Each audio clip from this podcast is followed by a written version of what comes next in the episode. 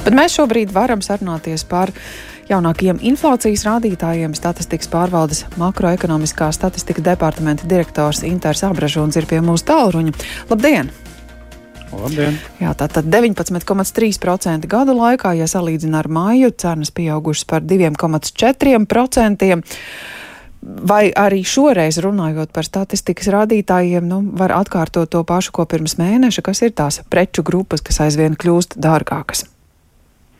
Jā, jāsaka, tās preču grupas ir tie līderu grupa, tās trīs galvenās grupas ir nemainīgas. Jāsaka, mainās tikai šo grupu secība. Šo, šobrīd pirmajā vietā ir izvirzījušies mājoklis, gada laikā šajā grupā cenas ir pieaugušas par nepilniem 40%. Tad nākamā grupa ar lielāku ietekmi ir pārtika un bezalkoholiskie dzērieni. Ietekme uh, gada laikā 22,1% un trešajā vietā ir transports. Un šajā grupā cenas gada laikā ir pieaugušas par 32,2%. Vai šajā sarakstā, kur uh, lielākoties dominē plusi, ir arī kādas uh, preču vai pakalpojumu grupas, kur varbūt cenas ir samazinājušās, um, iespējams, sezonālas atlaides, varbūt kādas citas sezonālas izmaiņas, tomēr ir neliels atspējas. Jāsaka, noteikti tādas varētu atrast, bet ja mēs skatāmies tā kā ar būtiskāko ietekmu uz kopējo rādītāju, tad, diemžēl, nu, tādas grupas, ko būtu izdalīt, kuram ir kaut kāds cenu kritums, viņam ir būtiski ietekmi uz kopēju rādītāju, diemžēl mēs nevaram. Jā, protams, teiksim, ja mēs skatītos uz cenām kopumā, tad aptuveni 8% cenu ir novērots kritums. Tātad tās nav tās grupas, kurām ir liela ietekme uz kopējo rādītāju. Paldies par šo informācijas apkopojumu. Saku statistikas pārvaldes makroekonomiskā statistikas departamenta direktoram Interam Abražonam un uz sarunu esmu aicinājuši arī Sebankas makroekonomikas ekspertu Daini Gašpuiti. Labdien!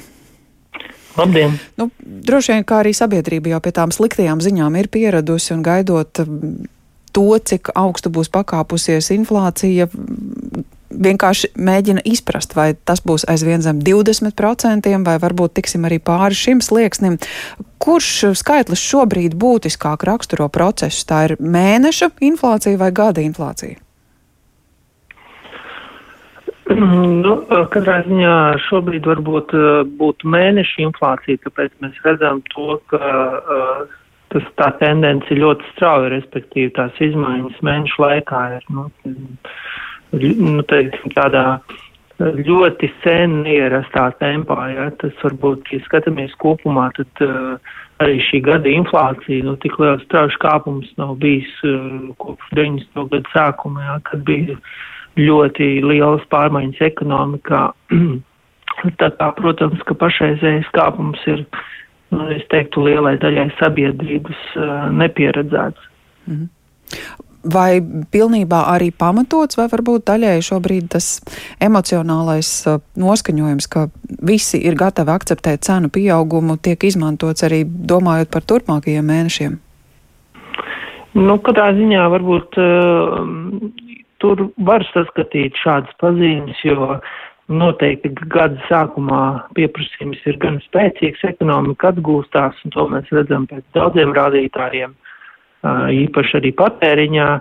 Un tādēļ, protams, ir uzņēmēji, kur šis, nu, teiksim tā, redzams, ja, ka tas kāpums ir bijis gala cenā straujāks nekā varbūt šīs pamat izmaksas, bet es teiktu, ka tas nav tāds masveida, tā nav masveida tendence, kas nosaka šīs izmaiņas, kur mēs redzam primāri šīs enerģijas cenu izmaksas un, un attiecīgi, kas sadādzina mājokli, gan arī pārtikai. Tā kā zināmā mērā lielākās tendences tomēr ir pamatotas globālajos procesos, kur nu, tiešā veidā mēs ietekmēt nekādīgi nespējam, un primāri, ko mēs varam ietekmēt, ir tikai patēriņš. Kuram pagaidām pietiek uzkrājumu, pietiek algas pieaugumu, kā ir ar sabiedrības pirktspēju? Nu, katrā ziņā šobrīd inflācija ir pātrināsies tādā tempā, kad uh, pirktspēja samazinās ļoti straujā tempā, jo nu, algu kāpums bija apmēram 7%, tad šobrīd nu, otrajā ceturksnī mums datu nav, bet katrā ziņā tas jau krietni virs 10% punktiem pārsniedz inflācija pārsniedz algu pieaugumu, ja, tā kā pirktspēja samazinās un ļoti straujiem soļiem. Protams, arī redzam, ka uh, iedzīvotāji sāk izmantot arī savus uzkrājumus. Šobrīd vēl grūti pateikt, cik lielā mērā tas ir, lai uzturētu patēriņu, uh, cik daudz, lai vienkārši izbaudītu šo laiku, bet katrā ziņā šāda tendence ir vērojama.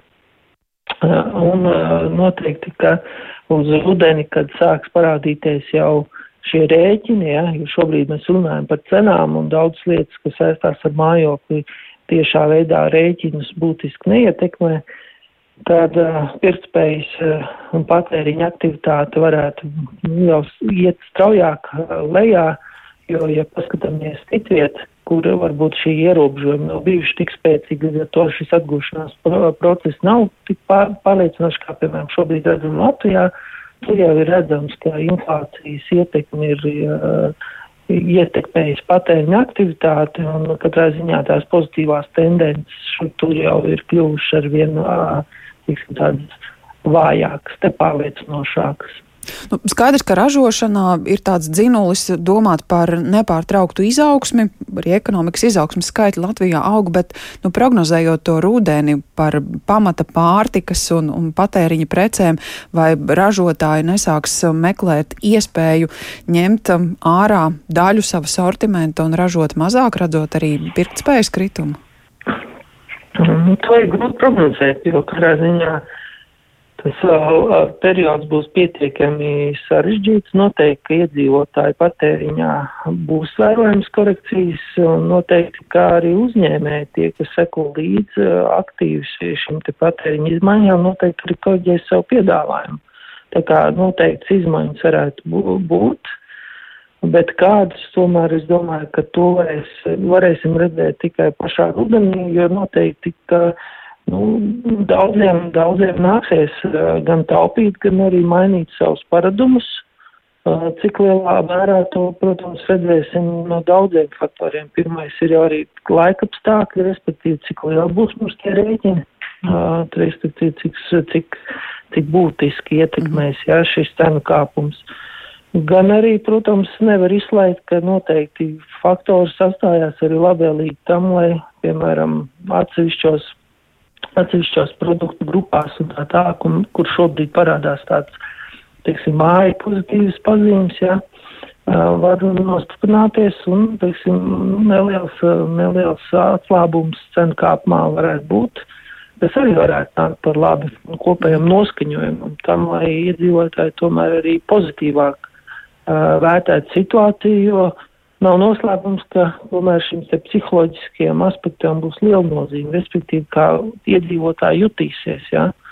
Un tāds pozitīvs aspekts šobrīd ir darba tirgus, kas ir gan stabils, jā, kas varbūt eh, nu, ir tāds diezgan labs tāds arguments tam, lai iedzīvotāji arī nu, situāciju nepārvērtētu pārāk negatīvi. Jā. Mm -hmm. Jā, Protams, ka būs sarežģīti, bet, bet tomēr nu, ir svarīgi, lai cilvēkiem būtu darbs un būtu tie ienākumi, ja, lai šo situāciju mēs pārdzīvotu.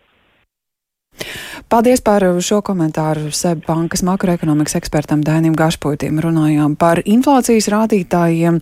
Tie šodien apkopot un liecina, ka gada laikā inflācija Latvijā sasniegusi 19,3% un, protams, svarīgs arī salīdzinājums ar pagājušo mēnesi. Kopš maija cenas Latvijā augušas par 2,4%.